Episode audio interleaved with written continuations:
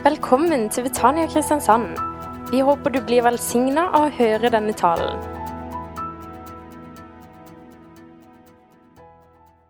I kveld så um, gleder jeg meg til å treffe deg og til å se deg igjen. Også til å dele ordet òg. Så, sånn sett så, så, er det et privilegium og en ære å få lov til å komme. Så takk for at jeg blir spurt, og, og, veldig bra å se hele gjengen igjen. Det er masse kjente ansikter her. Så det gleder jeg meg til.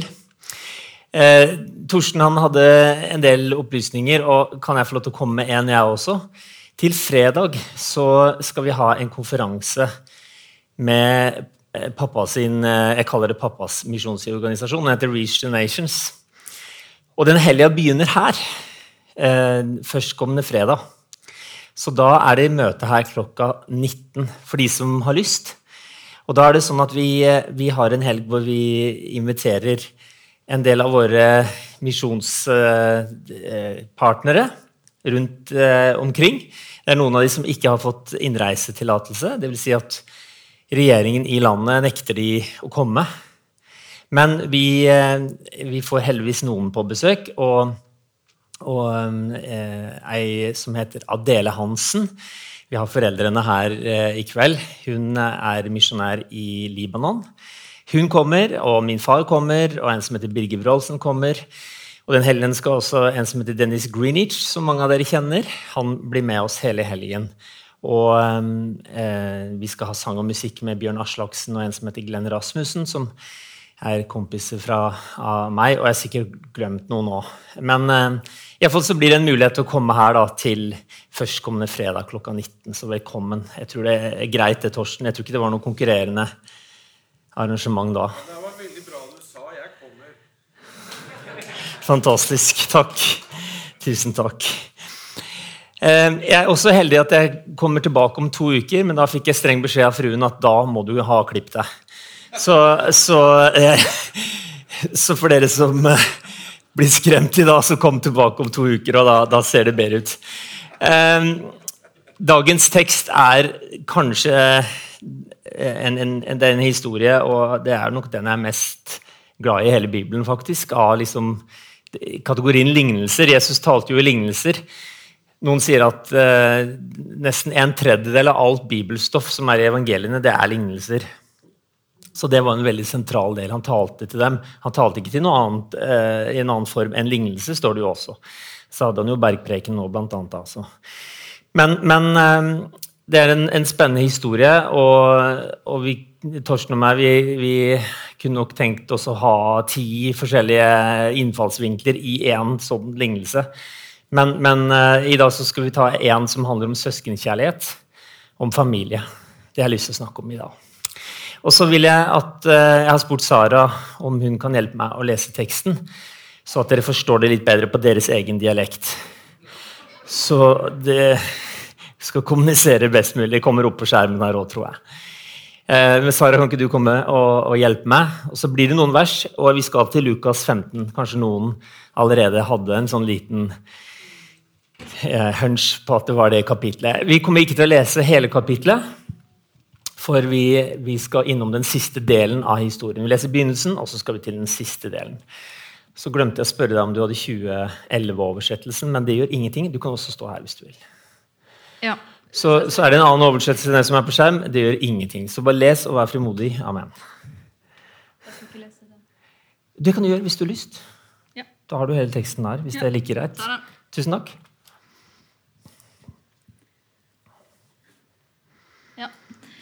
Alle tollerne og synderne holdt seg nær til Jesus for å høre ham.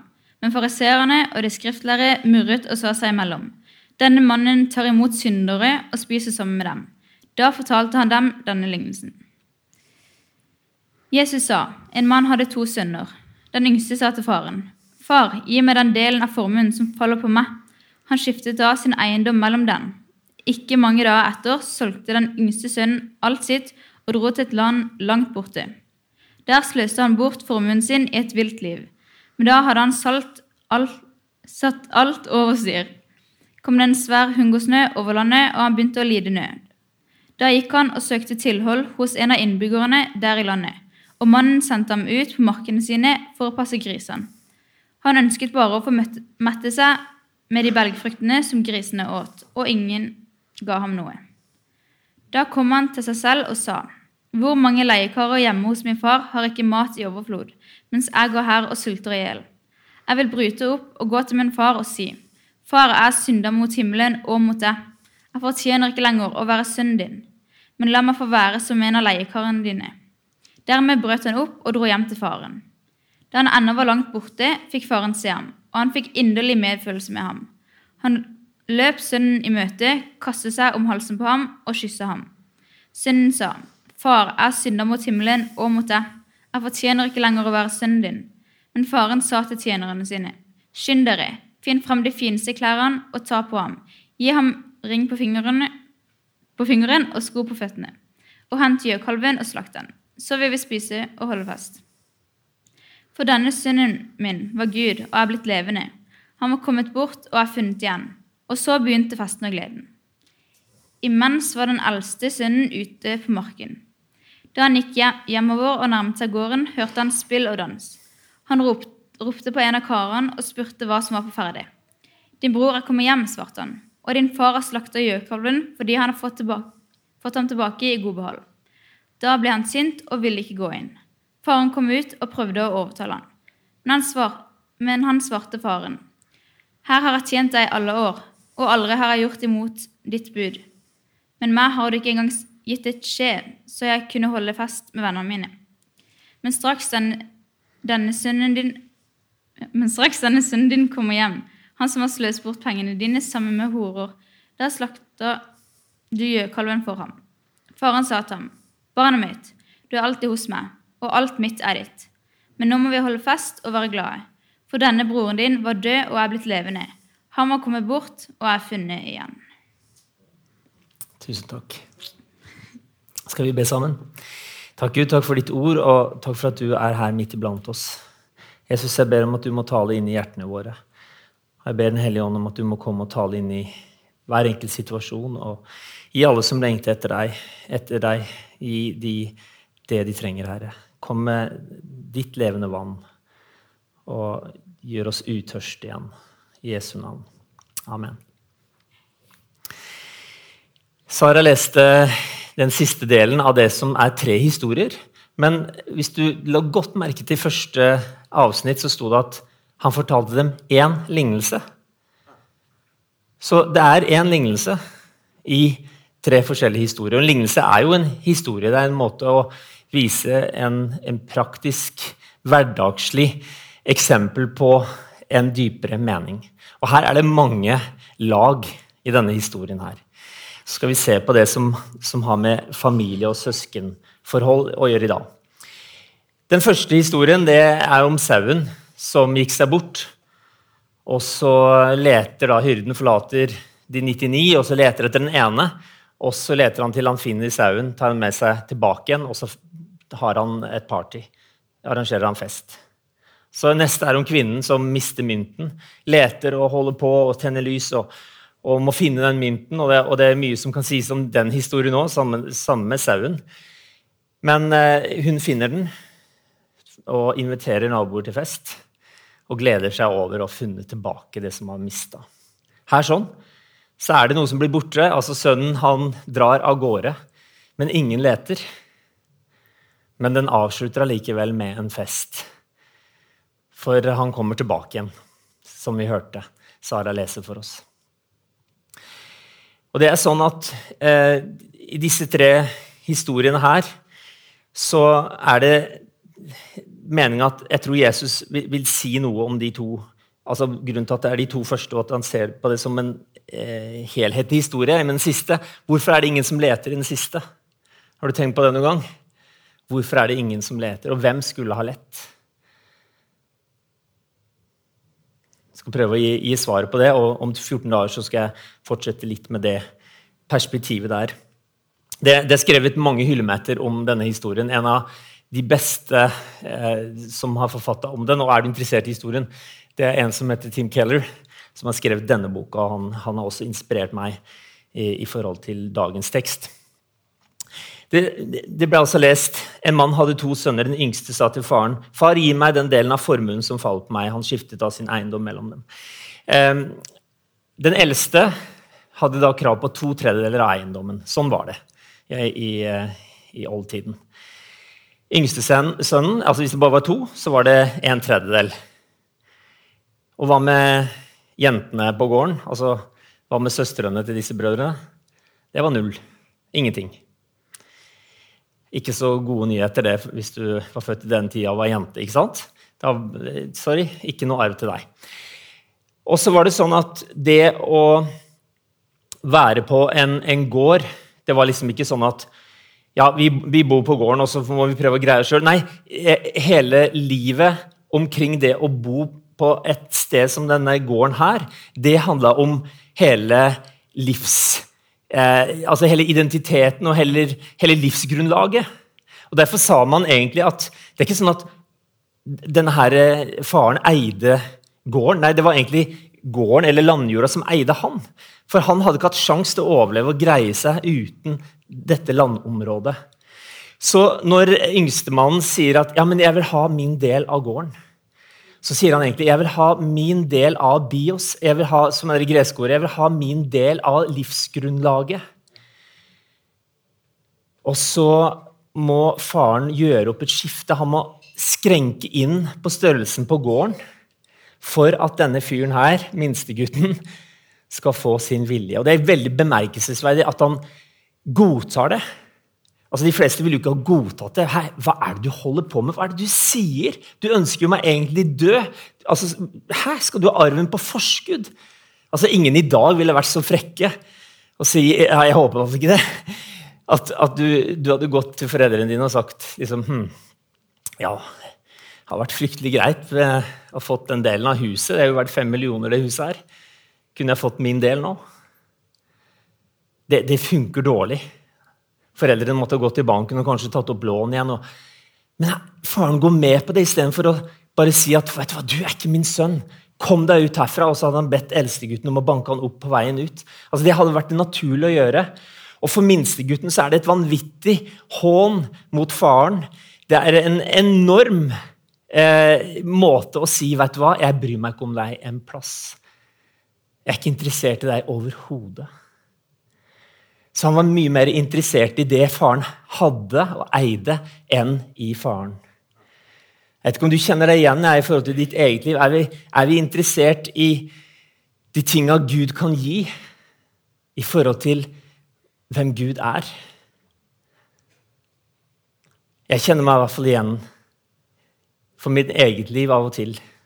Så jeg er mer opptatt, opptatt av hva han kan bety for meg, enn at jeg kan få lov til å bare være hans. Og sønnen, han valgte pengene. Han valgte å dyrke seg selv og det han, han hadde mest lyst på. Og så stakk han av gårde og ga altså faren den, den verste farvel som du kan tenke deg. Den skammen som han sitter igjen med for hele landsbygda, for hele, alle naboer og hele samfunnet. ikke sant? Så var det liksom Å ja, det var du med han sønnen ja, som skulle ha arven, som stakk av gårde med arven. Ja, huff meg. Oi, oi, oi. Ikke sant? Du, han måtte bære det hele tiden eh, og, og, tenke at uh, Hvilken sønn altså Hva har jeg gjort som fortjener dette her? ikke sant? En, en vanvittig eh, tøff situasjon å være i. Og jeg tenker også, Av, av og til så kan vi jo tenke oss at, at det å være sønn, da, som jeg skal snakke litt mer om Men det å tilhøre en familie, som han her gjorde, så velger han da de tinga man kan få. Jeg tenker også billetten til himmelen. Er det, er det, derfor, er det derfor man er kristen og kaller seg kristen? Fordi at ja, men jeg må være sikker når jeg dør. Eller er det fordi at foreldrene forventer det? Er du her i dag fordi det er noen som forventer det? Eller er du, er du her i dag for å tenke at ja, jeg får gjøre det for å døyve en Hvis, jeg, hvis ikke, så får jeg dårlig samvittighet, liksom? Eller er du her fordi at du er her for å ære Gud og for å la ordet få lov til å tale inn i livet ditt? Ikke for å få noe. Er du med meg? At vi bare greier å tenke det av og til om våre kristne liv også i, i verden og, og i hverdagen? Er vi innenfor Gud, eller vi til Gud for å få noe hele tiden?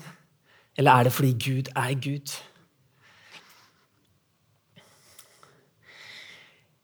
Av og til så kan noen kvinner da, nå er vi en god kvinneandel her i dag, eh, bli litt sånn sure på at det står bare om sønner. Men jeg, jeg har et trøstens ord til, til, alle dere. For det første så står det jo om at vi er sauer. Så vi må bare huske på at uh, ja, det er vi òg. Eh, og så uh, må dere huske det, det, kvinner, at det står masse om at vi er Kristi brud. Altså at vi er bruden. Så det må vi mannfolk leve med. Så at dere må tåle å høre masse om sønner, så må vi også tåle å høre om det er en brud. Det, det er ikke bare enkelt.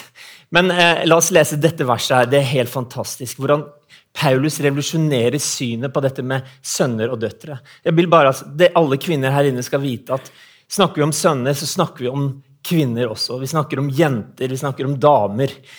Hør hva Paulus skriver. For dere er alle Guds barn ved troen i Kristus Jesus. Alle dere som er døpt i Kristus, har kledd dere i Kristus. Her er ikke jøde eller greker. Her er ikke slave eller fri. Her er ikke mann og kvinne. Dere er alle én i Kristus. Wow. En britisk eh, historiker og forfatter, Tom Holland, heter, heter, han. Jeg tror ikke han er en kristen. Men han sier at noen tror at det er antikken og at er liksom eh, filosofene som hadde Eh, det revolusjonerende synet på mennesket.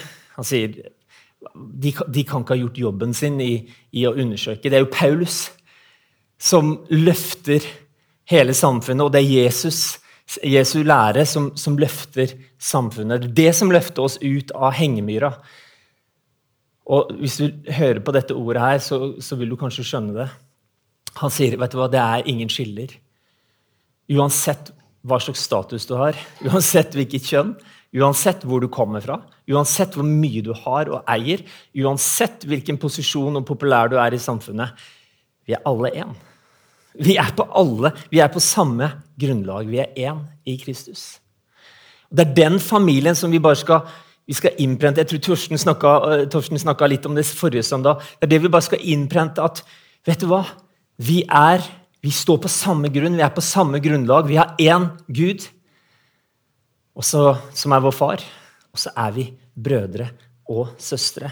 Dette verset her, pappa, vet du, Kjell Haltorp, han, han har sagt det verset her 100 000 ganger. Jeg er sikker på. Jeg overdriver ikke engang.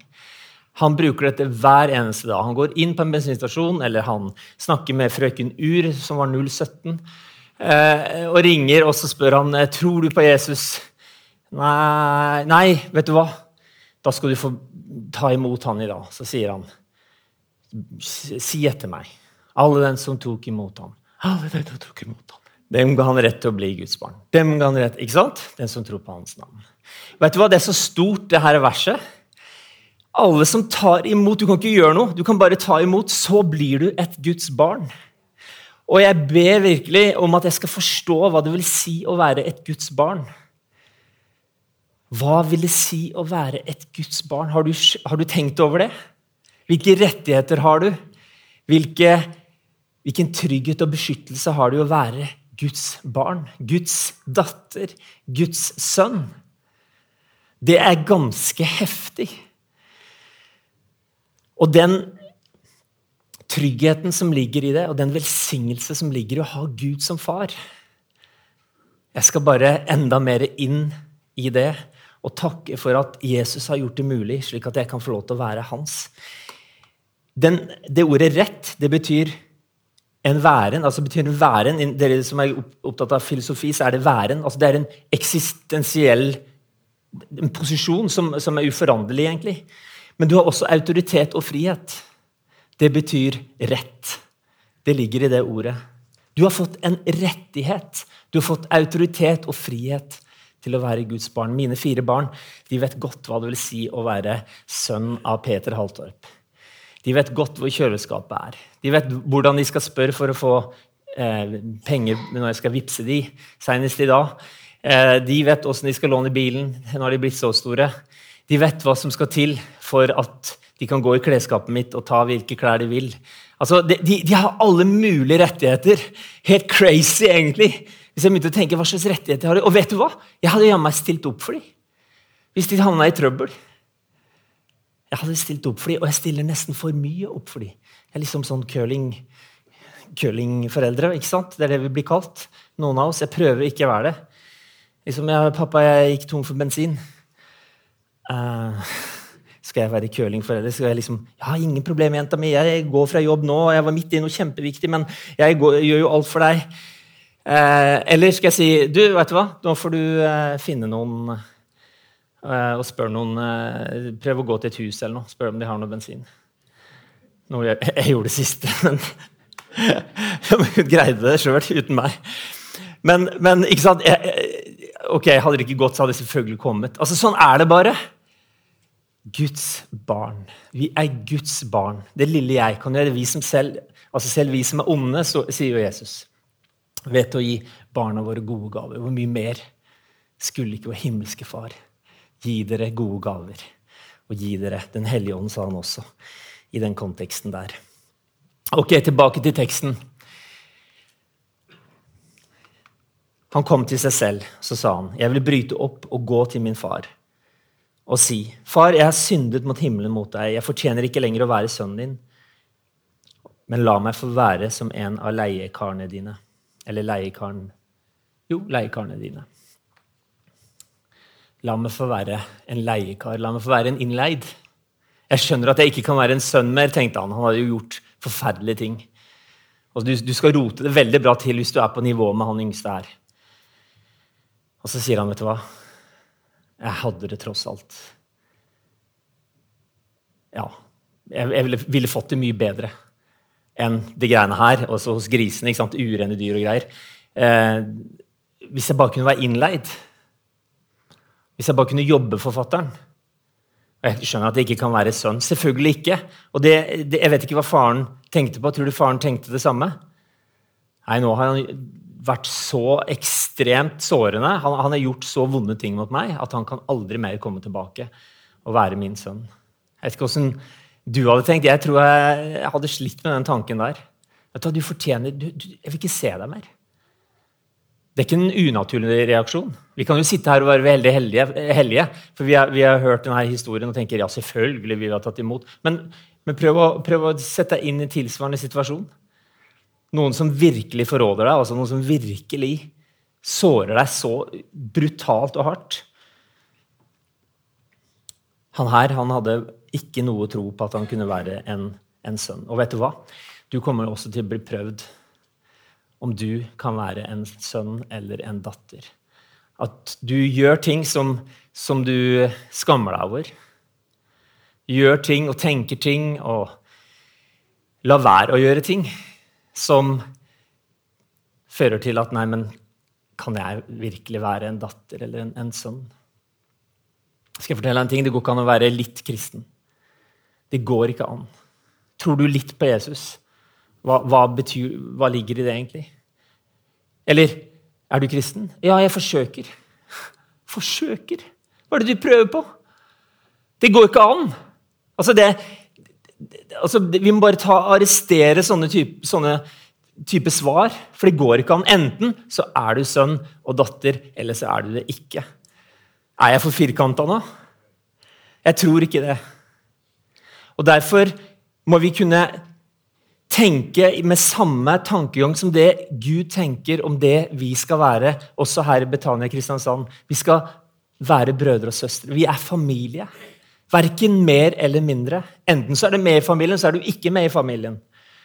Og alle som tror på Jesus og bekjenner han, er Guds barn. Alle som tok imot ham, ble Guds barn. Og Det handler ikke om på grunn av, det handler om på tross av. Vet du hva han tenkte? Vet du hva? Nå har jeg rota det så sinnssykt til. Jeg har ikke sjans. Jeg kan være en leiekar. Men han tok det første skrittet. Og Øystein Gjerme snakka om det for en måned siden. Det er alltid verst. Det første skrittet er alltid tøffest. Jeg tror han snakka om det her. Men så begynte han å gå. Idet han tok det første skrittet, så vendte han om. Og det å vende om er selvfølgelig hele nøkkelen. Han hadde jo aldri kommet hjem hvis ikke han hadde vendt om. Han måtte jo ta en annen vei, han måtte ta veien hjem. Og jeg tror det er noen her i dag som trenger å ta den veien hjem. Og vet du hva som møter deg da? Det Vet du hva? Vi skal møte mennesker sånn som, sånn som Gud møter deg. Han lengter etter deg. Han har stått og kikka etter deg og lurt på om du ville komme. Han har stått og håpt og tenkt og ønska hver dag. Vil du komme tilbake? Vil du komme tilbake? Når skal jeg få se deg igjen? Min datter, min sønn. Og idet han fikk liksom skimte Ja, kan det være han? Kan det være min sønn? Så gjør han noe som aldri en pater familias, en som er leder i familien, gjør. Opp med kjortelen, og så stormer han av gårde. Kaster seg rundt halsen på han, kysser han, driter i lukta og alt mølet som han har, har med seg. Og det han har øvd, den her talen da, 'Far, jeg har syndet mot himmelen' Han får det ikke med seg engang. Det er ikke talen. det er ikke, ikke sant? Han, han, tenkte at det var det som ville kanskje hjelpe, slik at jeg kunne bli innleid hos far. Vet Du hva, du er aldri kalt til å være innleid noe sted. Du er kalt til å være sønn og datter. Og han tar deg imot med åpne armer, kysser deg. Som, som handler om at 'jeg aksepterer deg fullt ut'. Jeg kysser deg. Så ga han nye klær, rettferdighet. Du er kledd i rettferdighet. Ga deg ring på fingeren, signetring sannsynligvis, som gjør at du får faktisk økonomisk frihet tilbake. Så gir han deg sko på føttene som gjør at du kan gå og vandre et nytt liv. Alt er nytt. Det er ganske heftig, det møtet. Tenk at Gud tar oss imot på den måten der. Det går ikke an å prøve å være en kristen. Du kan ikke være litt kristen. Men vet du hva? Du trenger en familie. Du trenger en familie. Alle trenger en familie. Samfunnet og denne verden her kan godt si noe annet, men vet du hva? Du trenger en familie. Derfor er det så godt å se deg, fordi vi er familie. Vi har Gud som far. Så er vi søsken. Vi er brødre og søstre. Vi har ikke valgt hverandre. Sånn er det ikke i en familie. Her er det sikkert folk som ikke du syns er sånn veldig ok, og det er forskjellige aldersgrupper, og det er forskjellig bakgrunn, og det er forskjellige dialekter, og det er forskjellig hårsveis og alt mulig. ikke sant? Vi har ikke valgt hverandre, men Gud har valgt oss. Og hvis Gud har valgt oss, så er det vår forpliktelse overfor hverandre å elske hverandre. På tross av. På tross av. Vi trenger en familie. Men vet du hva? vi har en storebror, en felles storebror. Og det er ikke den storebroren i historien. Vet du hvem som skulle ha gått etter lillebror? Det var selvfølgelig storebror. Og det her er noe i hvert fall alle Torsten får arrestere meg, som er, er teolog. Men, men, eh, alle jeg har lest, i hvert fall, sier at det er storebroren som det egentlig var en forpliktelse Han hadde den forpliktelsen som daglig leder for AS Familiegården. Han, Storebror var, var den som leda Pater Familie, var sjefen. Men daglig drift, det var storebror. Han skulle gått. Og lett. Men vet du hva? Vi har fått en storebror. Vet du hvem, det, hvem det er? Du, det kan alle her gjette. Jesus Kristus er vår storebror. Og vet du hva? I de to første historiene så leter han. For han er den sanne storebroren. Han leter etter oss. Han banker på døra og spør vil du åpne opp. Jeg ønsker så å komme deg i møte. Jeg kommer alltid til å lete etter deg. Jeg kommer alltid til å være der for deg og aldri gi meg å lete etter deg. Og Det er derfor Jesus gikk til korset. Fordi at han så deg, og han så meg. Og han elsker deg, han elsker meg så høyt. Johannes 3, 16. Så høyt har Gud elsket verden, at han ga sin sønn for at hver den, hver og en som tror på ham, ikke skal gå fortapt, men har evig liv. Han sendte sønnen for å dø for oss. Og så gjorde han det sånn at vi kunne bli familie. Uten Kristus så er vi lost. Uten vår storebror så går det ikke. Men han er den som rydder opp. Han går alltid imellom. Han er også vår, vår talsmann innenfor tronen. Han, så han sendt en talsmann. La oss lese fra Efeserne 2 før jeg skal snart eh, gi meg noe her. For han er vår fred, han som gjorde de to til ett og rev ned den muren som skilte fiendskapen. Ved sin kropp har han opphevet loven med dens bud og forskrifter. Slik stiftet han fred da han av de to skapte et nytt menneske i seg. I en kropp forsonte han dem begge med Gud da han døde på korset og slik drepte fiendskapen. Han kom og forkynte det gode budskapet om fred, både for dere som var langt borte, og for dem som var nær. Gjennom ham har både vi og dere adgang til Far i én ånd. Derfor er dere ikke lenger fremmede og utlendinger. Nei, dere er de helliges medborgere og Guds familie. Guds familie. Du er med i Guds familie. La meg fortelle en, en historie fra andre verdenskrig. og Den eh, er fra en utrolig krevende tid for de som ble tatt til fange, eh, ofte briter, av japanere. De ble sendt til Thailand for å bygge jernbanen. Du kan se det, jeg vet ikke om du kjenner den filmen 'Broen over Kwai'. Eh, da må du være så gammel som meg hvis du har hørt om den. Det kan det være noen her. Eh, men i den venstre boka så forteller Ernest Gordon om et eh, ja, Han forteller om situasjonen som var eh, for alle de som var tatt til fange under andre, verdenskrig. Hvordan de skulle bygge jernbanen. Og situasjonen var så utrolig ille at for hver kilometer som de bygde, så døde ca. 250 mennesker. For, altså de kom én kilometer videre, og okay, da var det 250 døde. fordi at det var så varmt, de hadde ikke nok mat og drikke. Det var insekter og det var sykdommer som, eh, som eh, kom og ødelegger. De fikk ikke sove om natta. Og, og folk ble bare utslitt, utmatta. Og behandlingen fra vaktene var helt uholdelig. Altså det, var bare, det var et mareritt. Og han forteller Ernest Gordon om situasjonen mellom de som var i fangeleiren. Det var jungelens lov. Det var én mot alle, alle mot én. Ingen som samarbeida, det var ingen som tenkte på noe annet enn seg sjøl. Jeg må prøve å overleve én dag til.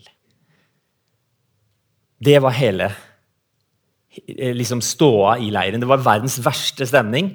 Og det var, det var fullt av hat, og det var et, en, en, måte å, å, ha ordveksling på som, som ikke sømmer seg noe sted. En dag så skal de stille opp etter de har jobba, og de jobbet, jobbet ca. tolv timer hver dag hele uka. Ikke noe søndagsfri der. Så stiller de seg opp, og så sier vakten at det mangler en spade. Hvem er det som har tatt den spaden? Hvem er det som har prøvd å gjemme den? sier vakta.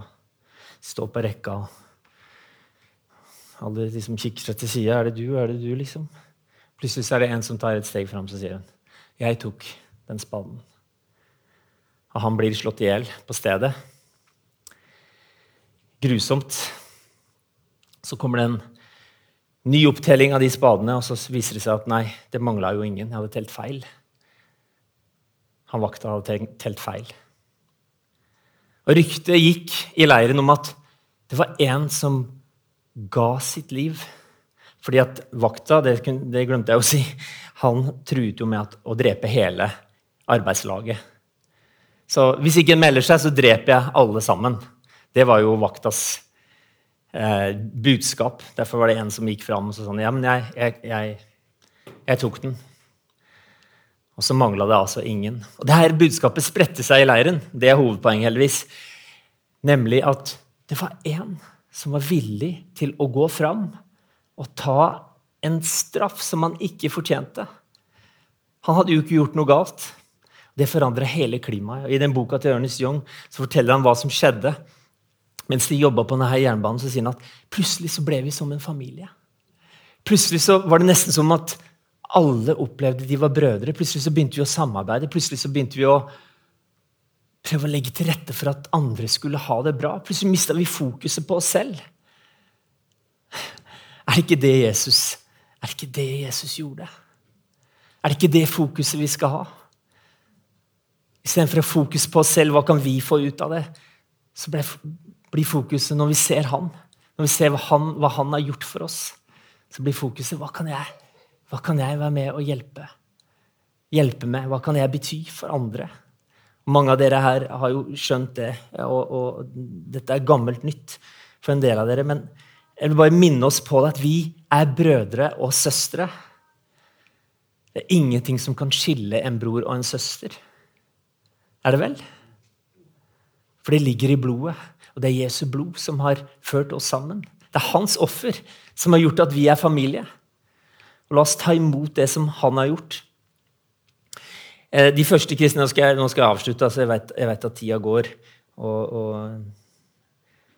jeg skal ikke holde på for lenge. Men han, eh, en som heter eh, Justin Martyren Han levde eh, fra år 100 ca. Og, og, så fortalte han om eh, Han ble jo martyr, da, selvfølgelig. Han het Justin. Og han fortalte om hvordan de første kristne levde. Så sier han det at før så, så var de kristne, og alle mennesker, de var opptatt av å bo godt, ha status, eiendeler, fint hus. Men da de skjønte hvem Jesus var, eller tok imot Jesus og ble kristne, så forandra de hele perspektivet. Plutselig så var det mange som ga vekk eiendommene sine. Og det å få status det betydde ingenting lenger. De begynte å dele, slik at ingen mangla noen ting. Og romerne de kunne ikke kalle de, de her første kristne Det var ingen religion. Altså, De skjønte ikke hva det var for noe. For det var jo helt annerledes enn alt annet. De kunne liksom ikke de, altså, hva, hva, hvordan, hvordan, skal vi gjøre med disse her folka her? Hva skal vi kalle det for noe? Fordi de levde og gjorde ting som ingen hadde sett før. Vet du hva? Det er ingen religioner eller noen annen trosretning som inviterer inn til en familie. Gud inviterer oss inn til seg. Jesus er vår storebror. Vi er brødre og søstre. La oss bare omfavne den muligheten og den invitasjonen Gud gir oss. Det er, et fantastisk mirakel, og det er så stort. Så sa de også at privatlivet mitt, det, det var ikke så viktig lenger. Nå betydde det bare noe at jeg kunne få lov til å være til hjelp, og at jeg kunne være en av de som, som betydde noe for andre. Og jeg tenker at Som avslutning så tror jeg det er bare fint å, å slutte her og så si at vet du hva? Hva du enn har gjort, Gud ville ha valgt deg igjen. Vet du hva det står i Bibelen? At du er utvalgt. Han kjente deg før du ble født, og han ville ha valgt deg igjen. Uansett din ferd så langt i livet, uansett hva du har gjort og hva du har stelt i stand. Han ville ha valgt deg igjen. Akkurat som denne sønnen, yngste sønnen, som virkelig hadde gjort det verste av det verste mot faren sin. Så valgte faren han igjen, som sin sønn. Du er valgt som Guds sønn og Guds datter. Vil du ta imot den invitasjonen og være i hans familie? Og skal vi behandle hverandre som, som sønner Unnskyld, som søsken, som brødre og som søstre. Det ber jeg om. Skal vi be sammen?